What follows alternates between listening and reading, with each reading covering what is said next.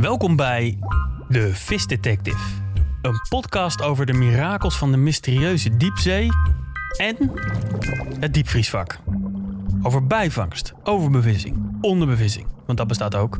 Supermarkten, blikvis, pulsvissers, keurmerken en alles wat er onder de oppervlakte schuilt. Mijn naam is Jan Olanjou en met mij op deze bizarre reis in de wondere onderwaterwereld is Barbara Cyrulus. En die komt uit België. Dat zeg ik erbij, maar dat kan je ook horen. Luister maar. Hallo, dat klinkt dus zo. Ehm, Jan en ik zijn allebei freelance journalisten gespecialiseerd in voedsel. En vis is voedsel. Maar dat is natuurlijk niet de enige reden waarom we deze podcast maken. Vis is gewoon super belangrijk. Ja, en het verdient ook echt een podcast. Want volgens de FAO, de voedselorganisatie van de Verenigde Naties, zijn niet minder dan 3 miljard mensen wereldwijd afhankelijk van vis voor hun dagelijkse eiwitten.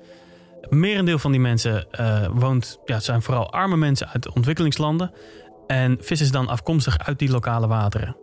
Tegelijkertijd wordt er vis over de hele wereld verhandeld. Het is zelfs volgens dezelfde FAO de largest traded food commodity in the world. Dat wil zeggen, uh, de waarde die in vis en visserijproducten, dus alles bij elkaar, ook uh, krabben, kreeften, nee, je kan het zo gek niet verzinnen, die is groter bij vis en visserijproducten dan welke ander voedselproduct of voedselproductengroep dan ook.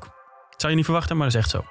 Ja, en ondanks het feit dat dat zo'n belangrijke voedselbron is, zijn we er niet zo goed voor aan het zorgen. Het is ook opvallend, het is een van de laatste dingen die we nog zo massaal uit het wild eten. De meeste andere voedsel wordt geteeld en zit in een, uh, een landbouwsysteem.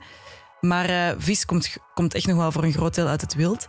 Maar wereldwijd zijn er niet minder dan 90% van de bestanden overbevist of toch bedreigd. Ja. Um, en in sommige gevallen zijn zelfs totale bestanden uitgeroeid. Um, en daar is eigenlijk relatief weinig aandacht voor. Daarom gaan we in een van onze eerste afleveringen uh, achter het verhaal van de paling. Die dat echt, uh, ja...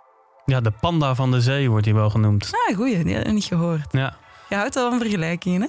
Ja, natuurlijk. Ja. metafoor moet je hebben. Uh -huh. Maar goed, hij ziet er natuurlijk niet zo knuffelachtig uit als een panda. Alleen, ja, het is wel zo dat 90% van dat beest, die paling dus, uh, is verdwenen sinds, geloof ik, de jaren 80. Mm. Nou, en zo zijn er meer soorten waar het heel slecht mee gaat. Tegelijkertijd zijn er ook soorten waar het heel goed mee gaat. Ja, de rivierkreef bijvoorbeeld, daar gaan we ook naar op zoek uh, hoe het daarmee zit, want dat is een plaag geworden. Daar uh, lopen onze sloten van over dan weer. Ja, en ze graven gaten in dijken en dat moet je dus echt niet doen. Ja, en naast het uh, wildvangen heb je natuurlijk ook nog de kweek, wat ook weer een enorme pool aan um, interessante vragen oplevert. Um, want voor kweken wordt bijvoorbeeld soms wilde vis als voedsel gebruikt, wat dan ook weer een heel gekke situatie oplevert. Dus daar gaan we denk ik ook wel nog van alles kunnen ontdekken. Zeker, want die kweek is ook nog heel jong. Pas sinds de Tweede Wereldoorlog zie je dat op grote schaal vis gekweekt wordt.